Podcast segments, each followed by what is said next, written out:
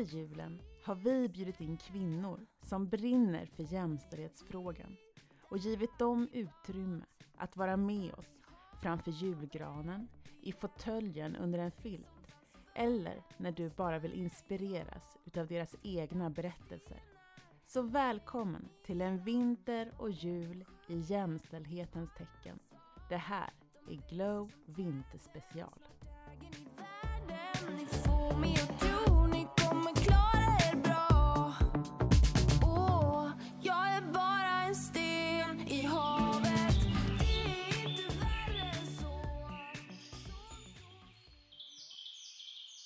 Året är 1993 och jag vaknar upp i min säng.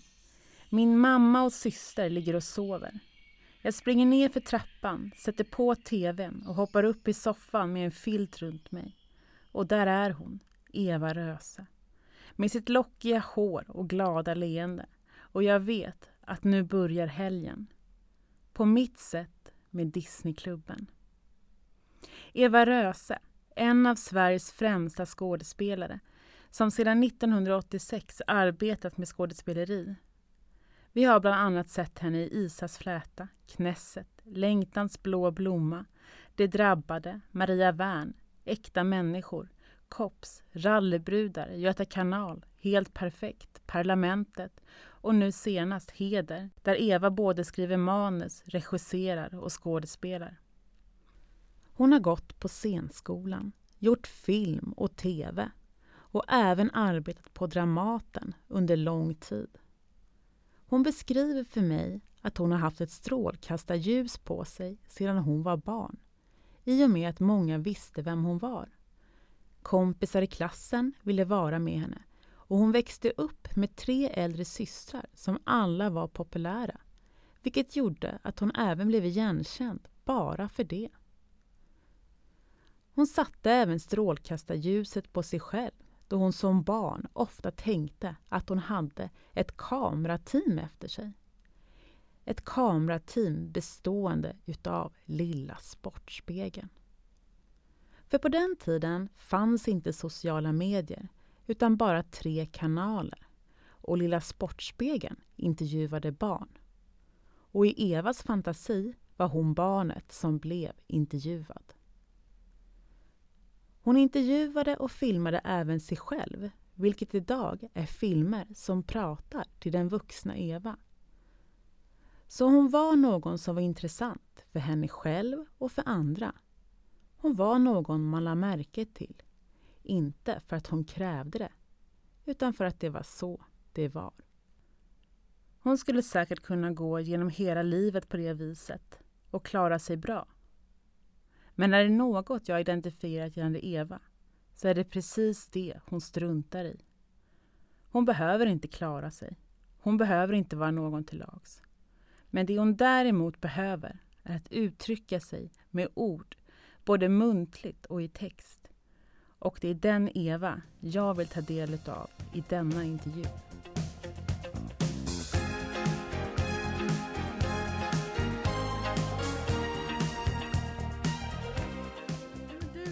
Här för att du är framröstad till en av de kvinnliga förebilderna i Sverige 2020. Och det är någonting som jag tänker att vi kan prata lite om. Nej men snälla låt oss. Hur, eh, hur känns det? Nej men det känns ju jättefint. Jag är ju varenda gång, nu låter det som att det händer varenda dag, men jag menar de få gånger då säger vi.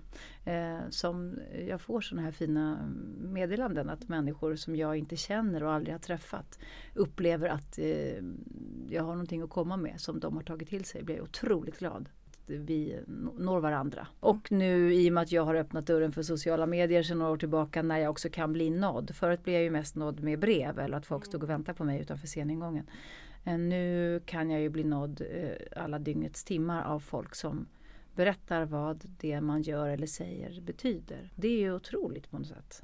Om det nu stämmer. Men, men så jag har ju väldigt fin kontakt. Min det känns ju så att jag har, eller de som mest kontaktar mig är ju och har alltid varit unga tjejer. Och det är ju ett väldigt fint förtroende som man får. Men vilka förebilder har du haft då?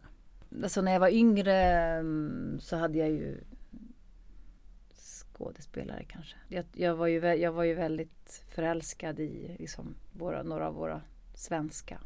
Pernilla August och Lena Endre och Gunilla Rör som ju var skådespelerskor som under den tiden som jag växte upp så fanns det också, gjordes det väldigt mycket kvalitets-tv till exempel, film och jag gick ju mycket på teater.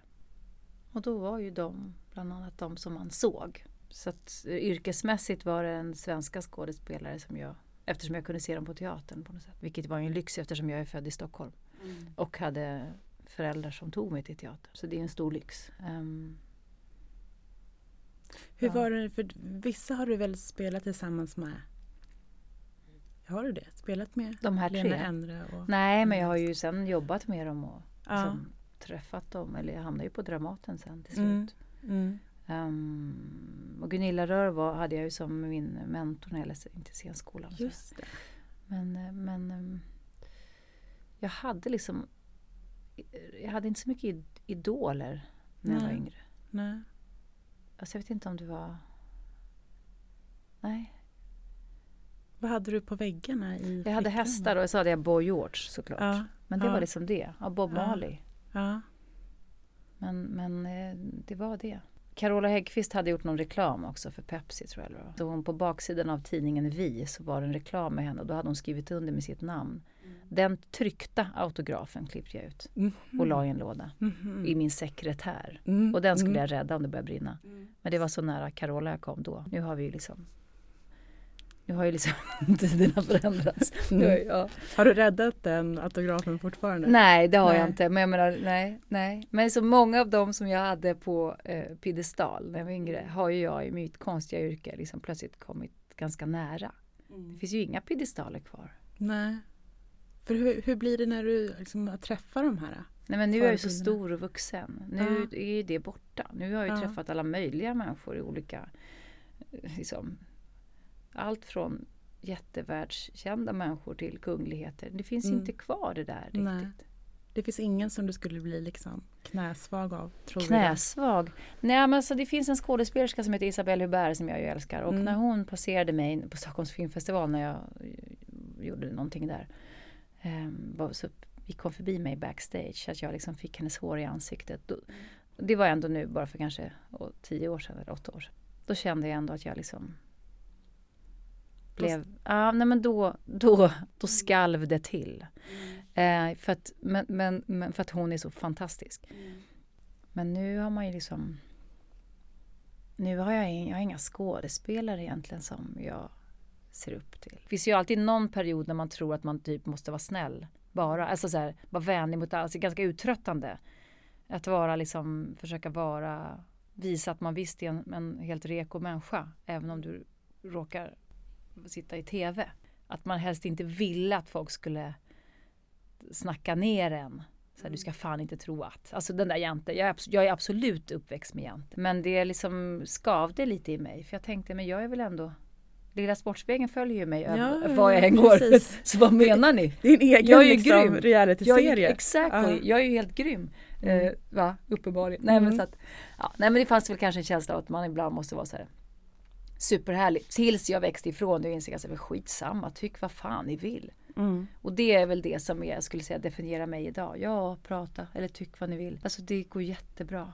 Man, man kan inte förhålla sig till andra människor på det sättet.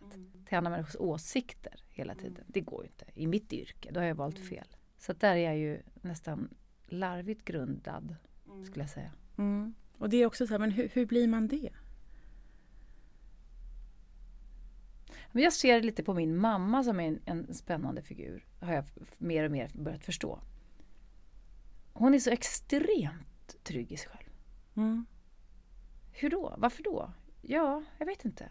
Hon är bibliotekarie, extremt beläst, väldigt grundad. Hon kan tala med vem som helst. Mm.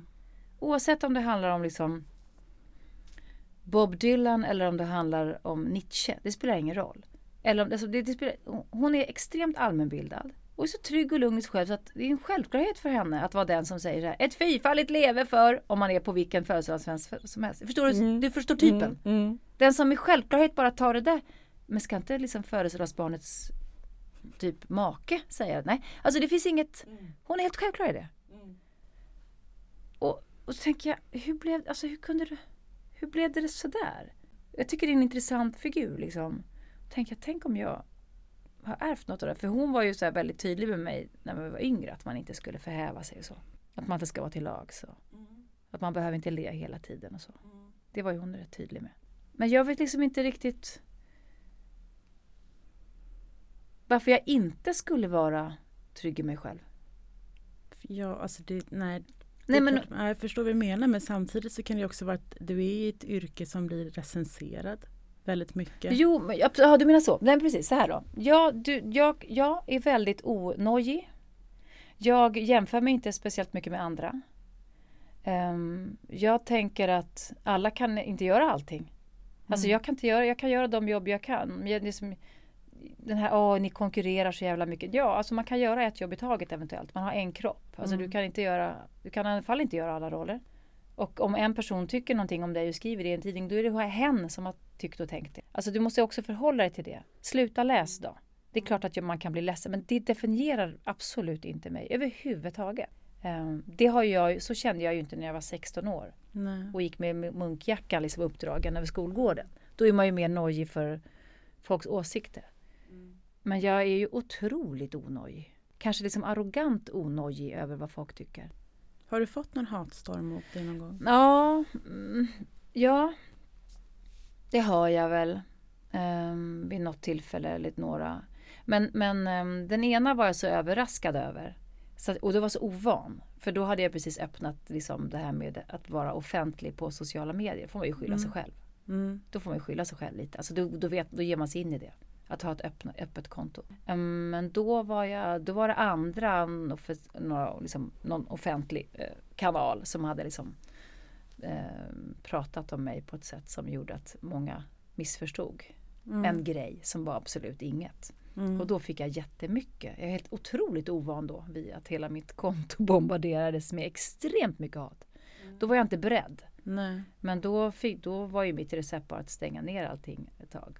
Eh, men det såklart, då var jag ju inte helt så här, då fick jag ju ont i magen. Det, då, jag var ju inte oberörd över det för jag var så paff. Och min grundkänsla är ju att jag hatar att bli missförstådd. Det klarar jag fan inte av. Framförallt inte den här sjukan att folk medvetet ska missförstå. För Mm. det, det håller vi på med lite var och en av oss. Även i dessa dagar säger vi med infektionsläkare eller vad så Vi medvetet missförstår för att kunna reagera kraftfullt. Så känns det som ibland. Och man kan säga, jag menade inte så. Det kan ju folk knappt säga idag. Du får inte göra en pudel heller, för det är Nej. redan kört. Alltså du får inte Mm. ha fel. Du får inte begå ett misstag och sen säga, ja, jag ber om ursäkt, jag hade fel. Eller jag tänkte, för jag har lärt mig något nytt. Eller, Det får man inte göra. Så där hugger ju vargflocken direkt, vilket är läskigt. Mm. Um, Stoppar det dig? Nej men sen blir jag, har jag varit ganska politisk eh, och väldigt tydlig med var jag står politiskt och så vidare. Mm. Och vad jag anser om liksom, medmänsklighet och empati och så vidare. Och då får man också alltid troll. Ser åt helvete. Men än så länge har jag ju inte blivit skrämd eller liksom på det sättet tystad. Men under en period, eh, 2015 när jag var som hårdast till exempel och gick ut väldigt hårt mot vad jag tyckte om. Eh, vad Sverigedemokraterna har sina rötter, eller jag tänker om flyktingpolitiken som vi har eller som vissa vill förorda och så vidare. Um, när det blir liksom våld, när det blir mer hot, hot. Då är det klart att jag tänkte till. Och vid Mm. ett tillfälle tog jag bort ett inlägg. För att jag blev lite rädd för vad jag skulle, jag orkade inte ta emot ännu mer. Men sen ja, efter några tre, fyra dagar så gick jag ut och var ännu hårdare i alla fall. Vad hände med, liksom, hur gick tankebanorna hos dig under de här dagarna? Nej men det var innan jag tänkte hur fan ska jag, hur ska jag hantera det här innan jag kom på att jag behöver inte läsa allt skit.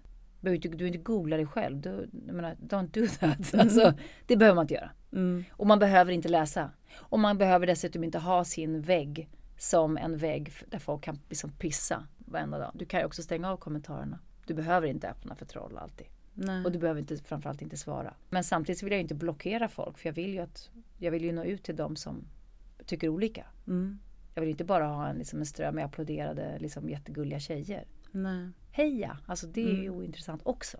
Mm. Vad är det du vill nå ut med då? Dels är det ju det, det blir som en ström, det som du lägger ut jag menar, eller visa dem, nej, jag behöver inte visa dem som redan vet vad jag tycker men liksom eh, jag tänker, varje gång jag tänker att, jag, att man är inaktiv kanske under en period på eh, för att man gör andra saker. Jag märker att jag skulle vilja gå in mer i till exempel en offentlig debatt ibland men jag hinner inte. För att jag är, det kräver en, en, en intelligent och efter, eh, en, en eftertanke i formuleringar. Som är viktigt. Mm. Jag menar att så här, you got your moment on stage, use it. Även om det är en minut. Så att, för fan, var förberedd om du ska göra någonting. Och det gäller också den plattformen man har valt. Att helst liksom, att veta varför man väljer att säga någonting eller så. Mm. Ehm, och då tar det lite tid. Så att ehm, ibland vill jag ehm, protestera mot någonting. Mm. Ibland vill jag uppmana till någonting. Mm. Ibland vill jag roa. Och ibland vill jag bara informera Mm. om någonting som jag gör i mitt yrke. Eller, ehm, men det här är ju ett ganska stort jobb man ska ta på sig. Och ibland vill jag bli politiker. Mm. Eftersom jag anser att man måste kunna prata med folk så folk lyssnar. Det är många som inte kan det. Man måste kunna vara i en debatt utan att bara säga sin egen åsikt. Det är det jag menar att man, man ska inte heller stänga ner de som tycker olika. Men det är Mm. ingen idé att diskutera på din vägg på Instagram Mm. med ett troll. Det är ingen idé. De kommer aldrig ändra åsikt. Mm. Men det som du och jag talade om när vi möttes nu först, att det handlar om att bara möta människor. Skulle vi sitta ner och prata och du skulle ha en helt annan åsikt än mig så skulle jag ju ändå kunna lyssna.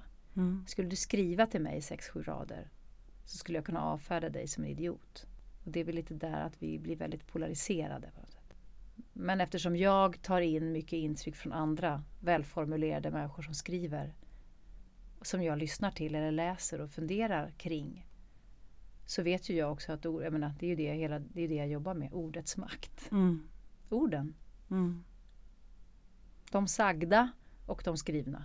Mm. Det är ju faktiskt också mitt yrke. Mm. Så då vet man ju hur viktigt det är.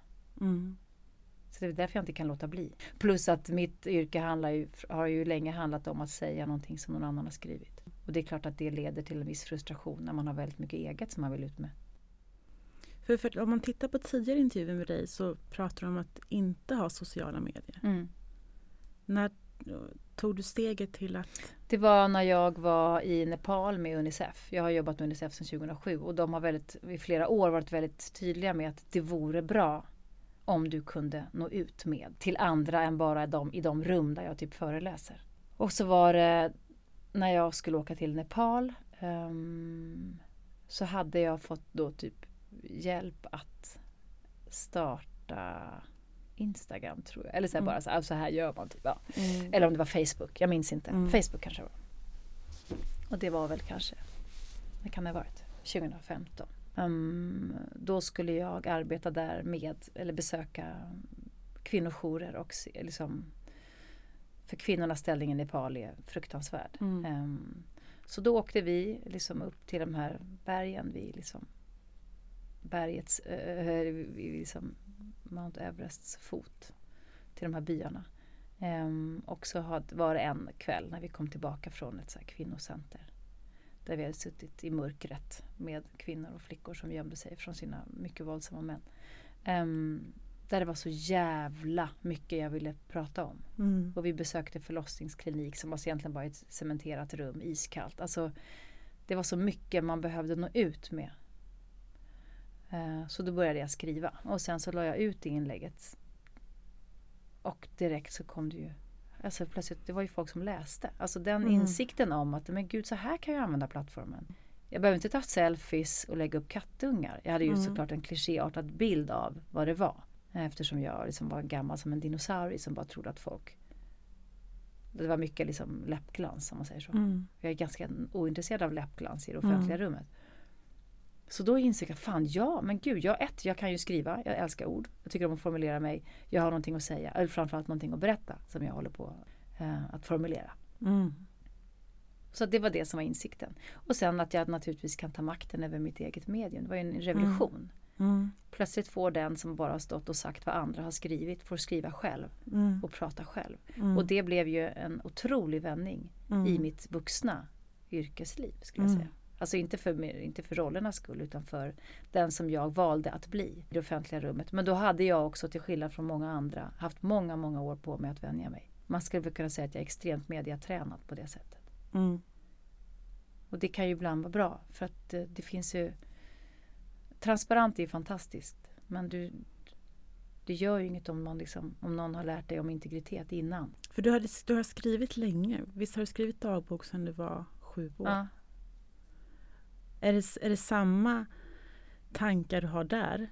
Liksom i din dagbok som du går ut med offentligt? Eller är det andra saker du lyfter för dig själv? Nej, jag skrev alltid för någon annan. Jag skrev för någon som skulle läsa. Okej. Jag beskrev min dag. Ah.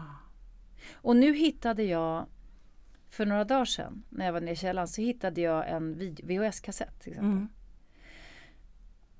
Med en, så har jag tydligen ladd- laddat ner på en sån här sticka. Så jag stoppade in den i datorn när jag var på vägen ut till inspelningen av Heder. faktiskt. Mm. Så satt jag så här, Mm. jag måste fan se vad det här är på den här stickan. Mm. Och då hade jag lånat en gammal gigantisk videokamera från SVT. Det här var 1993. Mm. Och jag filmade då det som det hette Disneyklubben. Då. Jag var 18 Mm. år. Jag hade på sommarlovet lånat med mig en sån här jättestor, jag kommer ihåg den stora kameran som hade en stor resväska typ. Alltså. Mm. Och då, då har jag filmat min farmors hus på norska landsbygden. Jag har filmat min farmor. Och så satte jag in den här stickan, så tittade jag på den nu. Och sen tog jag hem den på kvällen efter inspelningen då i förrgår och så min, visade jag den för min man och Jakob. Så här, fan kolla här. Och så går jag runt och berättar. Alltså då är jag ju, jag går runt och berättar. Om min farmor, jag går runt och berättar för någon. Och då började jag ju säga, jag blev så full i skratt. Så, här, så säger jag så här, men fan är det jag pratar till? Mm. Och då säger han så här, det är antagligen dina barn. Mm. Vilket var en så jävla fin insikt. För jag går omkring och berättar, precis som jag skrivit dagbok. Jag berättar för omvärlden. Ja, för att jag då förstår var roligt ändå, Mm. storhetsvansinnigt. Eller så var det bara ett sätt att skriva så som man har läst andra. Ja. Kanske fiktionen, du läser om någon som skriver dagbok. Alltså, Mm. det finns ju folk som har skrivit dagböcker i fiktionen som vi har läst Mm. oss till. Eller så vidare. Mm. Att man berättar för andra hur det är. Mm. Tråden från den här sjuåringen som berättar för andra hur det är. Att jag tror att någon, mitt eftermäle Mm. ska bli enormt. Att någon överhuvudtaget ska vara Mm. intresserad. Men jag berättar ju också för mig själv. Nu är det Mm. vuxna Eva Mm. som får höra liksom tioåringen berätta. Mm. Förstår du? Ja. Och nu så såg jag den här 18-åringen gå runt och berätta för någon annan om livet på, i norska landsbygden eller min farmor. Eller jag berättade om olika saker. Ja, då sa han det, nu kan jag ju visa det här för mina barn. Ja. Och nu var ju jag den här reportern. Förstår du? Ja. Så att det blev liksom, det är kanske bara ett sätt att, eh, det är helt enkelt bara att vara en berättare, säger. Aha. vi. Som jag ju fortsatte med. Men Men då hade du ju också ett behov av att få berätta vad du själv tyckte. Ja, precis. Om man, om man, om man liksom drar i den där linjen. Men jag tror Ja. säkerligen att jag har läst någon bok om några barn som hittade en dammig kista på vinden och så dammar de av den så hittar de sin farmors. Liksom. Du vet, att jag har säkert Mm. trott att liksom, Mm. jag har säkert sett det. Jag levde extremt mycket liksom i böckernas värld. Mm. Alltså, jag var lika säker på att, precis som Bastian i den oändliga historien, att han skulle Mm. bli indragen i en bok. Jag var ju lika säker. Jag har ju gått in i hur många hårda garderober som helst som aldrig har Mm. öppnat sig. Mm. Som Narnia. Alltså jag har ju fan Mm. bulor kvar. Mm. För att jag trodde att det kommer även hända.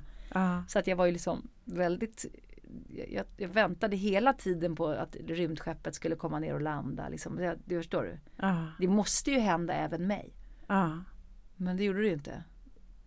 Men så att jag, det, det kanske hänger ihop liksom. Att man berättar för någon om livet. Och nu har jag ju stor glädje av det.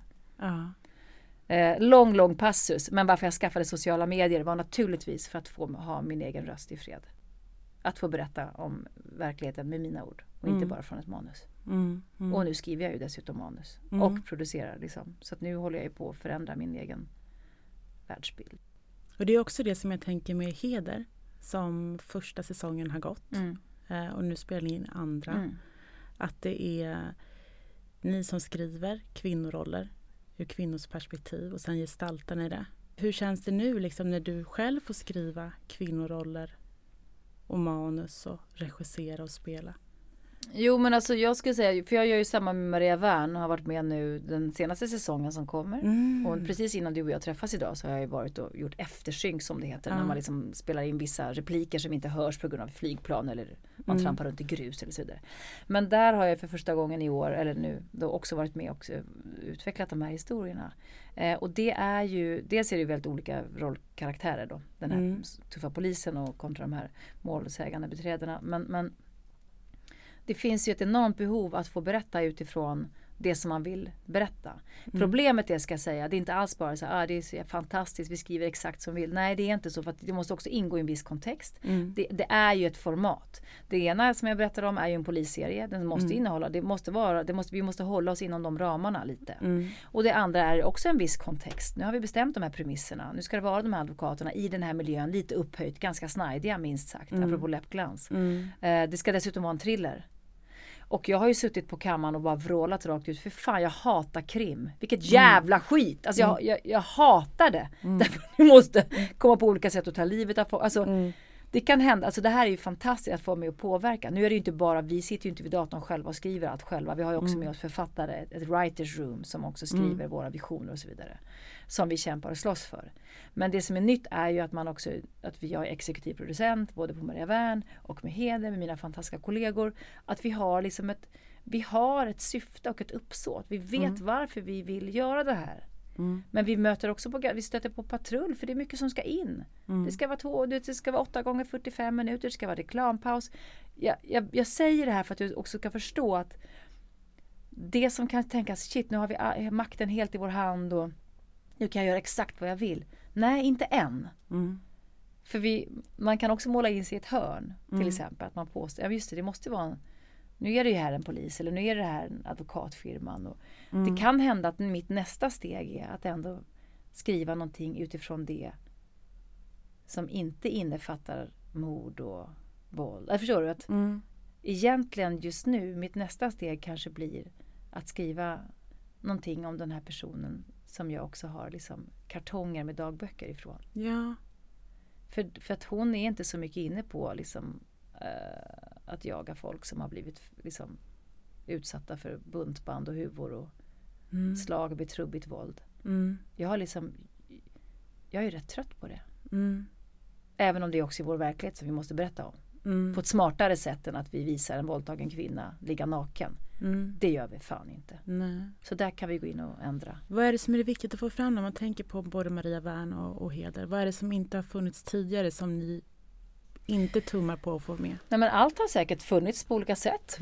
Mycket möjligt. Men det som jag tycker är sant nu till exempel med Maria Wern det är att jag är, väldigt mer, jag är mycket mer intresserad av att veta kan en polis vara rädd? Och hur, fan, hur kan du ens ha ett sånt yrke där du väljer att gå in eller som, som i ett hus där det brinner när alla andra springer? Eller Mm. du, hur, kan du, hur kan du ens utsätta dig för den här fruktansvärda skräcken? Är du inte skiträdd? Mm. Vadå skyddsväst? Mm. Kan ju skjuta dig rakt i nyllet. Mm. Alltså jag vill veta Mm. hur det känns. Mm. Jag vill se att man är rädd. Jag vill se att de gör misstag. Jag vill se den här hjältinnan göra misstag. Mm. Oförlåtliga misstag. Hon pekar ut fel person. Mm. Jaha. Hur dealar du med det? Apropå det här att vi får inte göra fel. Mm. Det har jag ju skrivit in i de här manusen nu. Jag vill se att de gör fel. Mm. Jag vill se att man kan säga I'm sorry, jag gjorde fel. En läkare gör fel, politiker gör fel. De vi som håller högst av alla gör fel. Vad fan, en snubbe på liksom Rädda Barnen tog pengarna själv. Mm. Det betyder inte att alla liksom, idealister eh, begår felaktigheter. Men även de som vi sätter vår största tilltro till är ju människor. Mm. Kan vi få se det? Mm. Det är jag intresserad av. Mm. Och i det här fallet liksom med heder att vi vill också kunna visa att även om man har liksom man jobbar med en knuten näve i fickan och man liksom kämpar för kvinnors rättigheter och ett jämställt samhälle och mot det här fucking jävla våldet som vi utsätts för jämt och Mm. ständigt. De kan också ha en jargong, de kan också göra fel, de kan också vara sexistiska. Det vill säga bort med alla piedestaler. Mm. Ja, jag är feminist. Ja, jag kämpar för eh, liksom ett klimatsmart, jämlikt samhälle. Det betyder inte att jag inte också gör fel. Mm. Jag är jävligt plump. Jag, sk- liksom, jag flyger. Mm. Inte varje dag. Liksom. Men jag menar, jag, Eva, lever inte alltid som jag lär. Jag menar att jag ändå måste kunna ha en åsikt. Mm. Eh, jag sitter inte hemma nu och ryter om att folk eh, bunkrar toapapper och sen smygt bunkrar jag själv. Alltså det är också kul att vi är tyckare men vi tycker om andra, vi gör samma sak själv. Mm. Men, men att vi Jag vill väldigt gärna få lyfta det som är det mänskliga i Mm. våra hjältar. Hon är här, inte bara fysiskt utan även mentalt. Jag och Eva Röse i en poddstudio, tio meter under marken, instängda. Och jag känner att hon analyserar alla mina frågor och kanske även mig. Hon blickar inte inåt för att gräva i det förflutna. Vad spelar det för roll nu? Vi är ju här nu. Hon och jag. Och hon vill att ordet flyter långt bort från klichéer och fina fraser. Det ska vara äkta, ärligt och autentiskt. För något annat är inte intressant. Har du någon situation där du faktiskt har ändrat åsikt? Jag har aldrig haft fel faktiskt. Det är det som är så härligt med mig. Ja, nej men uh, inget jag kom på så här på rak arm. Just ett sånt där ögonblick kanske. Nej, inte jobbmässigt kanske men där är det väldigt ofta att man testar en idé. Man, man har, någon har en idé. Och så kanske man avfärdar den. Men så säger man vi testar i alla fall. Det är också det som är rätt fint med mitt jobb. Man får ju, man får ju träna mycket Mm. på att vara människa Mm. med andra människor. Mm. Du sa initialt innan när vi sågs att det viktigaste är att man möter människor. Liksom. Då tänker jag, mitt, hela mitt jobb går ut på att man bara konstant hela tiden träffar folk Mm. och diskuterar lite om vad det är att vara människa. Och diskuterar och sätter spegeln på vad det är att vara människa och Mm. hur vi beter oss. Men till exempel så kan det vara så att man har någon vill att man ska testa att bete sig på ett sätt, säger vi, i en viss scen. Mm. Och så vill man säga så nej men det, skulle, det här skulle den här karaktären aldrig göra. Det funkar inte. Så måste man ju ändå, för att man måste ju vara proffsig, så man måste ju ändå testa ditt förslag. Det är så man får jobba. Alla förslag ska testas. Du kan inte avfärda det utan att ha testat. Det är ju en ganska bra skola. Och då ska man ju inte testa med halv fart. Liksom gå in och bara markera. Då måste man ju försöka testa full ut. Liksom full on. För att visa dig att din idé håller. Och inte det så här. Inte, ja du förstår vad jag menar. Men, så det, och där kan man ju ibland ändra. Så, ja, sig, när har hon rätt, har hon rätt i. Så det, det kan jag ändå, jag hör mig själv ganska ofta säga det. Det har hon rätt i. Men när det kommer till privata argumentationer. alltså så här. Nej men då, då, nej men jag vill väldigt gärna sista ordet. Jag är jätte, jätte, jättejobbig, jätte, jätteomogen på det sättet. Men det, det är de diskussionerna är ofta bara mellan två människor. Och liksom, we're still going strong. Så att det, som, det finns liksom, men där, där, där är det ju mer liksom, där är man ju bara sju år gammal fortfarande och står och skriker. Och vad händer med dig när du får sista ordet då? Känner du också triumf då eller vad är det? Ja, Ja. peka finger bakom ryggen och räcka ut tungan. Allt sånt där gör jag. Och känner mig naturligtvis halvhärlig. Men jag gör det ändå. Jag räcker ut tungan bakom folks rygg. Och gör facktecken bakom folks rygg. Förstår du hur st- storheten i den människan som gör det. Men jag gör det. Jag tänker att så länge de inte ser det, skitsamma. Och så känner jag mig inte så ashärlig. Sen så måste jag krypa till korset och så måste jag komma hem och säga så här, förlåt. Måste jag komma hem och säga så här, ja men förlåt. Det var jättedumt. Det som är positivt i detta det är att jag är väldigt bra på att säga förlåt. Och också till mina barn. Vilket ju vuxengenerationen aldrig var när jag växte upp. Så det gör jag. Där kan jag säga, där kan jag verkligen krypa till korset. Och det gör jag liksom in excess. Men gör du, säger du förlåt för sånt som du gör bakom, nu kanske du inte visar fuck you till dina Nej, barn det gör jag bakom inte. ryggen? Nej, nej, Nej. någon gång har jag säkert lipat åt någon. Mm. Men nej, nej men alltså, nej men det gör jag inte till dem. Nej men det, att man kanske markerar, alltså saker och ting som man gör som är fel. Ehm, vad nu är, du är för sträng eller så, nej men du lyssnar inte eller liksom man gör fel, man tar fel beslut eller vad det nu är. Man skriker för högt. Man ska inte skrika åt barn, jag skriker ibland. De blir rädda idag. De blir ju rädda. De blir ju kränkta och rädda. Jag försöker ju med min styrka, min ljudvolym och min kropp vinna. Alltså så som vuxna ibland gör med barn. Det är hemskt. Jaha, vad var den vinsten värd? Skit, ingenting. Så då kan man ju liksom säga förlåt, jag vet att jag skrämde dig nu när jag blev sådär arg. Jag ber om ursäkt för det. Alltså, du vet, man är ner på knä och bara prata och säga. Jag förstår att du blir jättearg och ledsen på mig när jag gör så här och så här och så här. Det var jättedumt gjort. Alltså hela den vägen. Mm. För att också ge dem ett språk att de själva ska kunna Mm. be om ursäkt om man gör fel. Det är återigen, det, detta är ju vad som skiljer agnarna Mm. från vetet. Mm. Och då måste man också kunna få bli bemött i det. Mm. Om de aldrig skulle förlåta mig, då sk- skulle jag ju vara svartlistad och svartmålad och ensam Mm. i flocken. Mm. Det kräver också att man kan på riktigt säga det är okej. Det är okej Maria. Jag fattar att du inte menade det där. Eller så menade du det just då, men nu har det gått över. Och nu vill du att vi blir vänner. Och du säger, jag fattar. Men om jag skulle vara en sån väninna som inte skulle kunna förlåta dig. Vad är det för skit? Alltså det, så det, det är väl ganska djupt mänskligt och det tycker jag också gäller i offentliga rummet. Folk kan göra jättestora misstag. Måste få ha råd att göra det. Det är därför politiker idag på något sätt ljuger. Eller då kallar det för att vara medietränade. För att veta att de får inte ha minsta lilla fel. Eller liksom Skulle det nu komma nya riktlinjer kring till exempel hur civilsamhället eller Sverige ska fungera under en krissituation. Då får ju de som har först påstått någonting och sen lärt sig någonting på tre veckor. Då ska, vi, då ska vi piska dem för att de hade fel för tre veckor sedan. Medan de egentligen bara är ansvarsfulla och säger vi har lärt oss något nytt. Risken är att de är så rädda för piskan så de inte vågar tillstå att de hade tagit ett fel beslut. Eller ett beslut som var rätt då. Så det här menar att hela tiden hålla fast, ja, ja du förstår att jag vill komma, hoppas att ni som lyssnar fattar vad jag menar också. Att vi måste kunna vara lite mänskligare i att folk gör fel. Så att säga, nu använder jag ordet fel men liksom att man tar ett beslut jag- som man sen ändrar. Mm. Och det är skitläskigt att ändra om man Mm. är en sån som alltid som pekar med hela handen. Mm. Och det är också det som gör oss intressanta.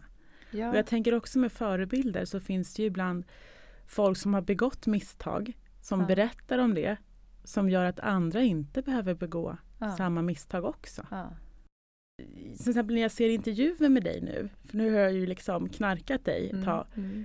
Jag tycker det är jättehärligt. Jag tycker det är jättehärligt när du ehm, jag tycker det är jättehärligt när du är varm, men jag tycker också det är jättehärligt när du ifrågasätter en fråga. Alltså, Mm. det blir ju intressant. Ja, men vet jag tycker det är härligt. Det är också så här att få vara, att låta också folk ibland vara i ovisshet. Alltså så här, det här kan ju min, så här, han som jag delar mina dagar med, han som jag lever Mm. med, kan ju tycka, han skäms ju, tycker att jag är jättejobbig eftersom jag liksom inte alltid orkar liksom vara så väluppfostrad så här som man ska vara i vissa sociala sammanhang. Därför att vissa sociala sammanhang är så dumma. Alltså, men liksom de är så de är så städade så att man liksom chocksomnar för att det är så dumt allting. Eller hur vi ska bete oss. Och det här är jättebra att man vet hur man ska bete sig mot varandra. Men det är också idiotiskt. Och då, om man inte liksom riktigt spelar med. Eller man kanske inte, man kanske inte har lust att spela med.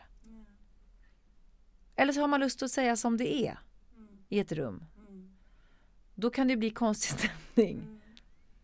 Men det kan ju också pigga upp liksom. Men att man det är intressant att se vad som händer om man inte riktigt följer eh, våra oskrivna lagar och regler.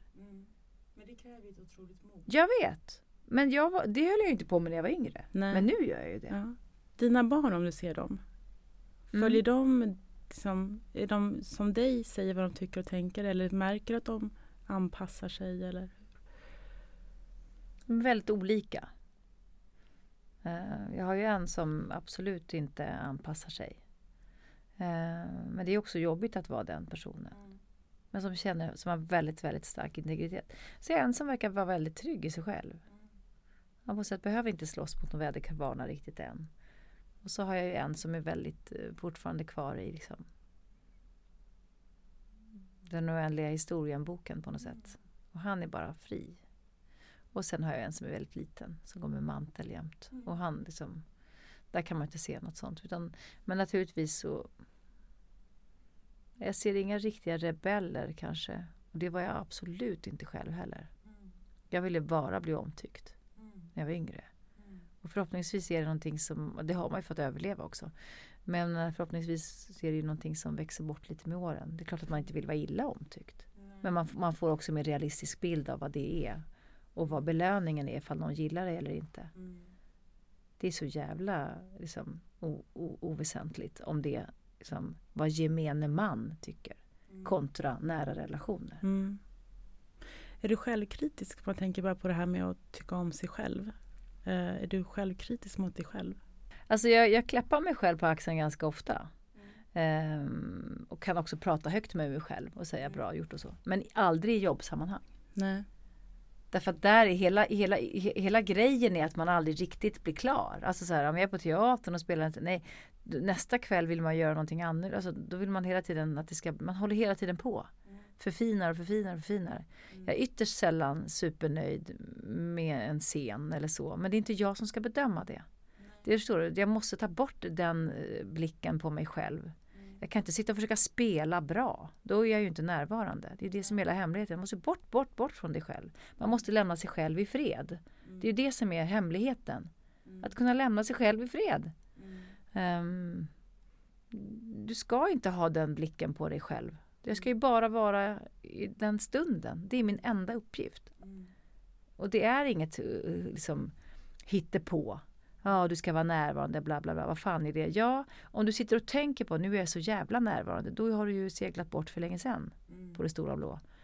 Så att det, Sen kan jag ju drabbas av fantastiskt självhat och själväckel över att jag är så jävla usel. Såklart. Ibland. Finns det saker jag inte vill titta på för det är så jävla dåligt. För jag kommer också ihåg hur dåligt jag mådde. Över att jag var så spänd och stel.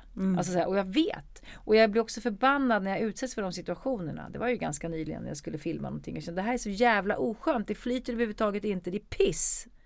Och hela min kropp knyter sig.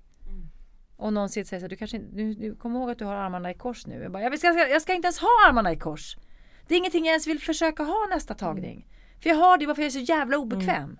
För hela min kropp har, satt, har, har gett upp. För att allt det här är hittepå.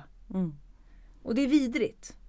Eh, och då blir jag ofta väldigt arg. Då, får jag, då, sk- då, då skriker jag. Då får jag utbrott alltså. Och inte mot någon annan utan på mig själv. Och vrålar liksom könsord och, och blir skitarg. För att jag måste få ur med det. För det är så jävla vidrigt att känna sig så jävla usel. Och det är klart att jag ska sen sitta och titta på det ett år senare. Det är vidrigt. Och då om jag sätter mig på huk, om jag först har skrikit, sparkat bort någonting och sen så sätter mig på huk och jag menar, skillnaden är så här. Om jag skulle vara en stor liksom, manlig kollega som skulle sätta skräck i hela filmteamet. Då, det blir ju problem. Men in, jag upptror inte. Så här, beware of your position of power. Ja, jag har makt. Jag vet. Stundtals. För att jag är äldre och jag är producent kanske nu. Och så, här, bla bla. Jag, jag ser ju inte på mig på det sättet. Jag ser ju fortfarande på mig som den här 12-åring. Alltså jag kan inte, så där är jag ju liksom, där predikar jag en sak och lever ibland en annan. För jag tycker inte att jag kan väl, kan väl inte vara så hotfull. Nu kanske jag inte skriker i vilken kontext som helst. Utan där folk, jag vet att folk känner mig. Och jag blir förbannad och, och då, då måste liksom tillägga att jag är absolut Sveriges absolut sämsta skådespelare. Så skriker man och så börjar man skratta åt detta. Och då skrattar alla runt omkring över att alla förstår känslan. För att man vet hur jävligt det känns. Det är en sak om du ska tävla liksom, och springa tre, liksom 400 meter och du, man, uppenbarligen så kom du sist. Det, det kan du mäta.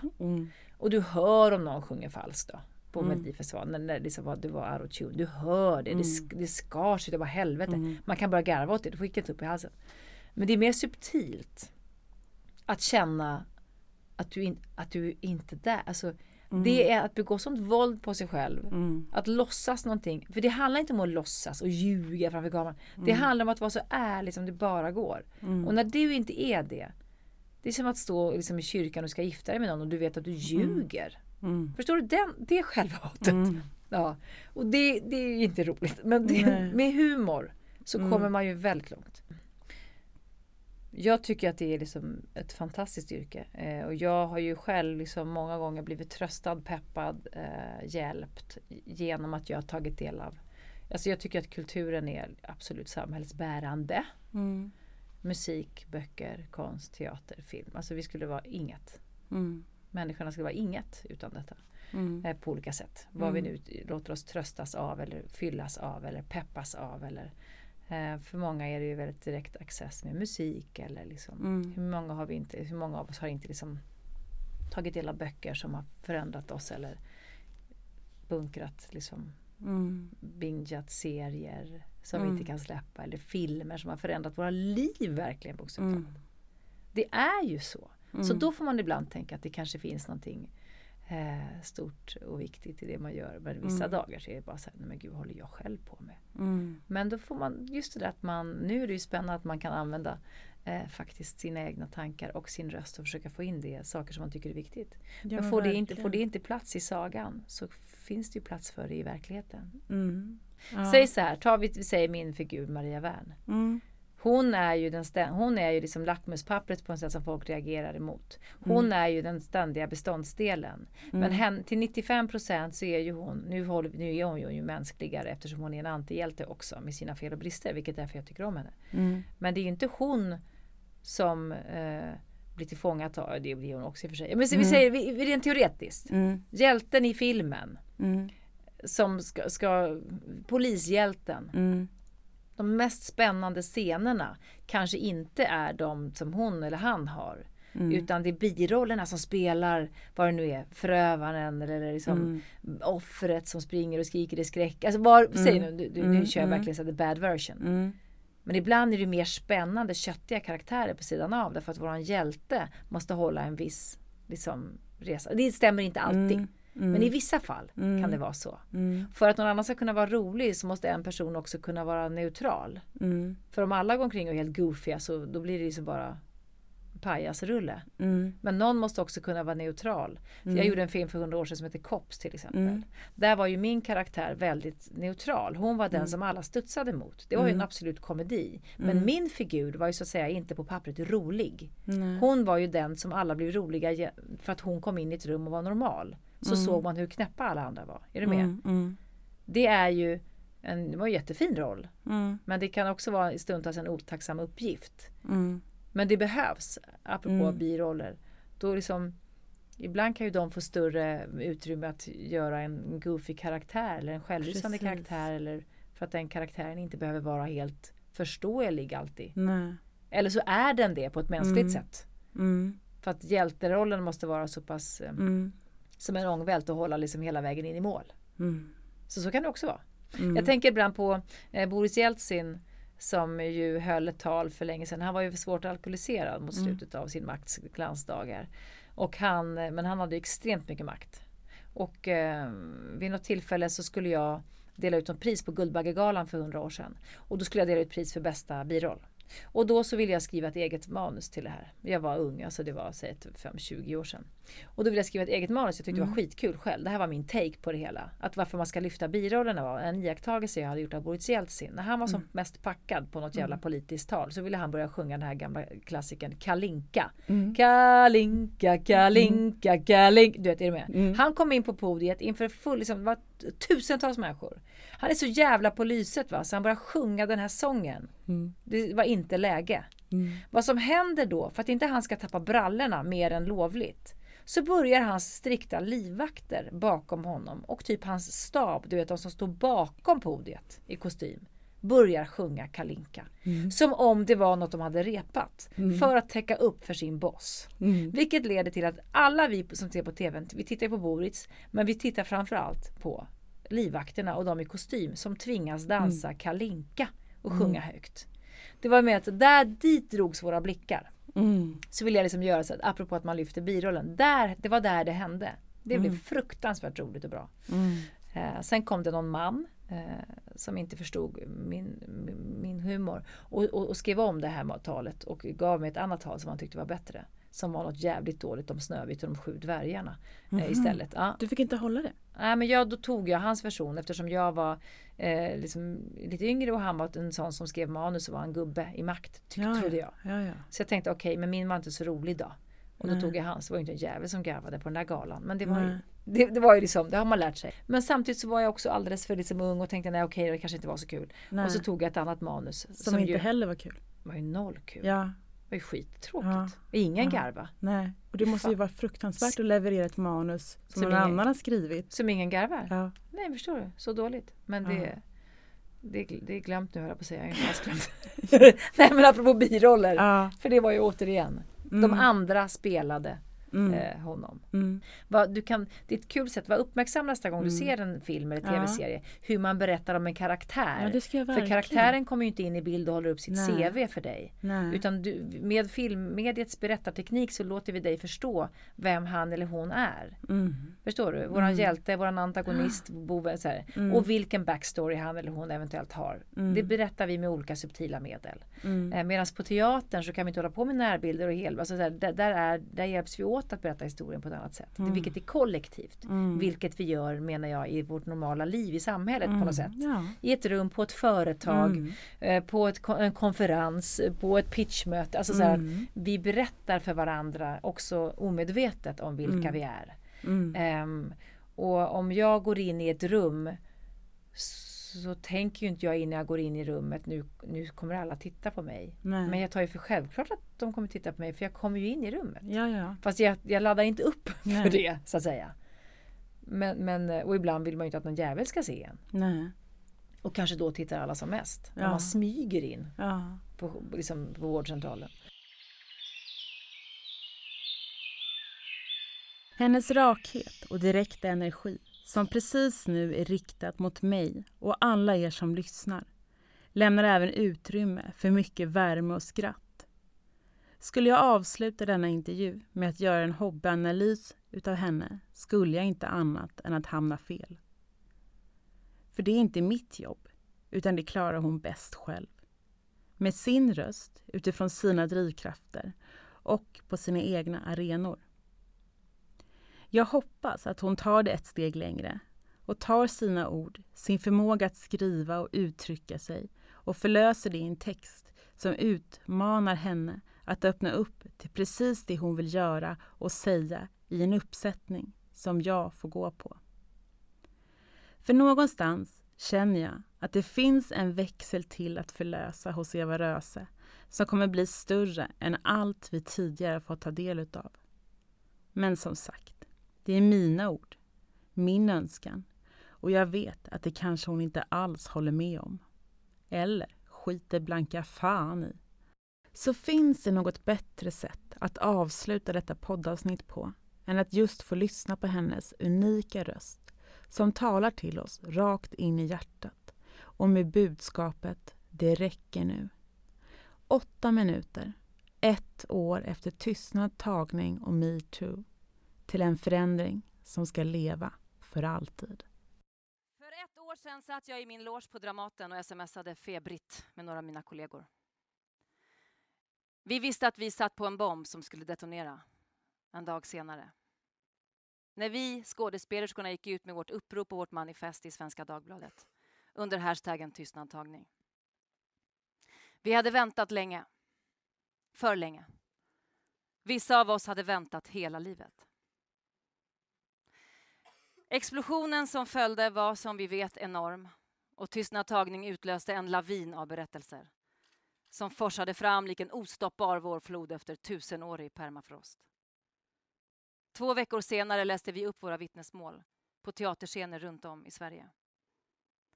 Hundratusentals kvinnor följde och som vi vet 64 olika yrkesgrupper samlade sig och sa det räcker nu.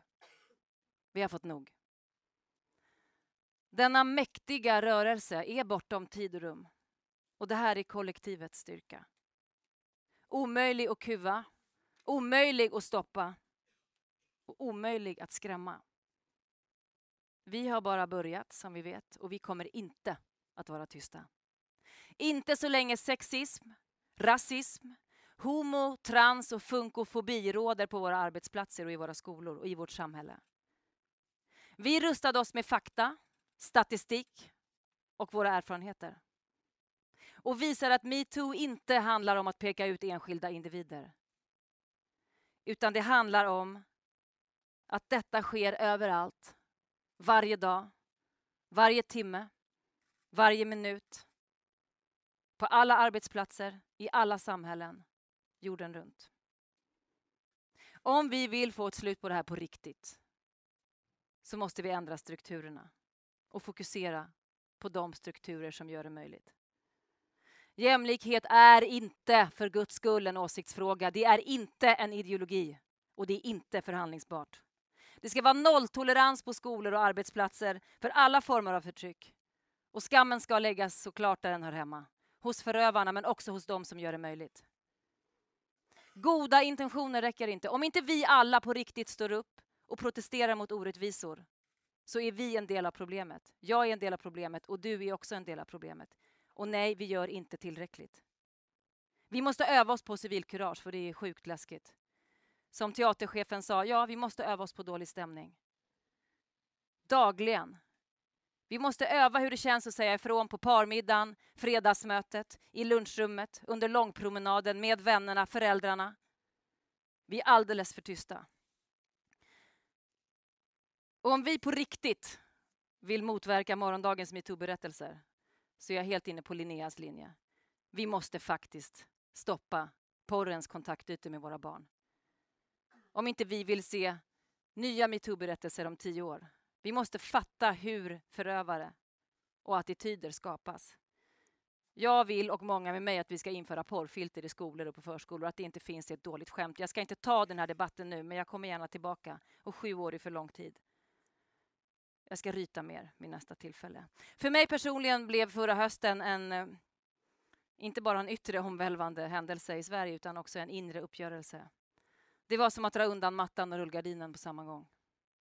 Hur hade jag kunnat tro att det här var någonting som jag måste finna mig parera, förhålla mig till? Jag som alltid ansett mig stark. Jag som alltid förhållit mig och bemött härskarteknik, maktstrukturer, orättvisor, vidriga övertramp med humor, skinn på näsan, en rapp tunga, jävligt snabba fötter och teflonmentalitet. Hur hade jag kunnat låta det här ske? Jag insåg förtvivlat hur många år av mitt liv jag har ägnat mig att, att hålla mig flytande. I en värld där jag och mina systrar har betraktats som villebråd. Där vi har bedömts, bemötts och avlönats på ojämlika grunder. Från lågstadiet och framåt. Det här handlar om att skapa en bättre värld för oss alla. Vi bor i ett land där vi inte blir fängslade för våra åsikter än. Det är därför vi inte kan vara tysta. Vi måste använda våra röster. Vi måste använda dem för de som inte kan. Jag menar valet i höstas var väl ganska tydlig, tyvärr visade med all, all önskvärd tydlighet hur högt upp på agendan metoo kom. Inte en enda gång hörde jag det diskuteras. Bland annat diskuterade vi sänkta rätt, äh, rätt, en sänkt eh, äh, abortsvecka. Det, det, det diskuterades. Men inte nästan någonting om jämlikhet, våldsmän mot kvinnor. Några av er idag här har ju mer makt än andra och på er vilar ett tyngre ansvar. Vi måste kunna kräva våra chefer, arbetsgivare och lärare att de är kompetenta och insatta i de här frågorna. Vi måste rannsaka oss själva och se till vår del av maskineriet. Metoo handlar om maktmissbruk. Och det kan ta sig olika uttryck som vi vet. Det handlar inte bara om fysiska övergrepp utan lika mycket om attityder och mönster. Om rädslor och glastak. Om vi är 50 procent av befolkningen, ja, vi vill faktiskt ha 50 procent av makten och av pengarna. Vi kommer aldrig bli lika inför lagen så länge ojämlik, ojämställd lönesättning råder. Och vi måste börja i tid. Låt värdegrund, livskunskap, jämställdhet bli obligatoriska ämnen i skolan. Det handlar om att vi ska skapa en värld som är bättre för alla. Det handlar om att inte bara ha symbolpolitik. Vi sätter en stämpel för att vi ordnade någonting. Vi kanske går med en liten badge. Vi säger att vi är engagerade, men vi är det inte. Vi är inte det tillräckligt mycket. Jag tror att jag är det. Jag gör inte heller tillräckligt mycket. Jag är med dig där Linnea och vi alla måste rannsaka oss och fatta att vi måste göra mycket, mycket mer. Även vi som går i bräschen. Man skulle ju önska ändå att många fler följde med. Det är därför det är mäktigt och, och roligt att få vara här den här morgonen. För att ni har initierat detta. Jag skulle önska att systrarna från de här 64 uppropen också var här. Kan vi se till det nästa år? En applåd för det. Tack.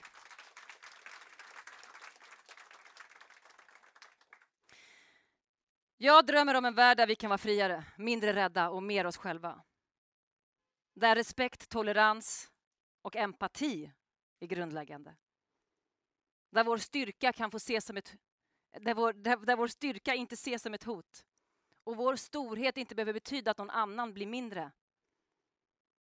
Och låt mig vara tydlig, det här är inte ett krig mellan könen. Det är inte män mot kvinnor, kvinnor mot män. Det här är en global rörelse för mänskliga rättigheter. Vi har tagit det här steget nu och vi har börjat med att bryta tystnaden. Och jag vill tacka er för att ni är här och för att ni lyssnar. Igår talade jag i riksdagen.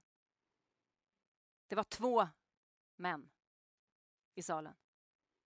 Meditera över det jävla faktum att det var två män i salen. När ska kvinnofrågor, när ska folk fatta att de så kallade kvinnofrågorna inte är kvinnofrågor utan mansfrågor? Vi tar ändå de här stegen. Jag vill naturligtvis tacka er män som är här, men vi ska inte slå oss själva på bröstet. Vi tar de här stegen för de som gick före oss och för de som kommer efter. Än en gång, för våra systrar, för våra bröder, för våra söner och döttrar. Och det finns ta mig fan ingen väg tillbaka in i mörkret. Känn på det mäktet, mina damer och herrar. Tack så mycket.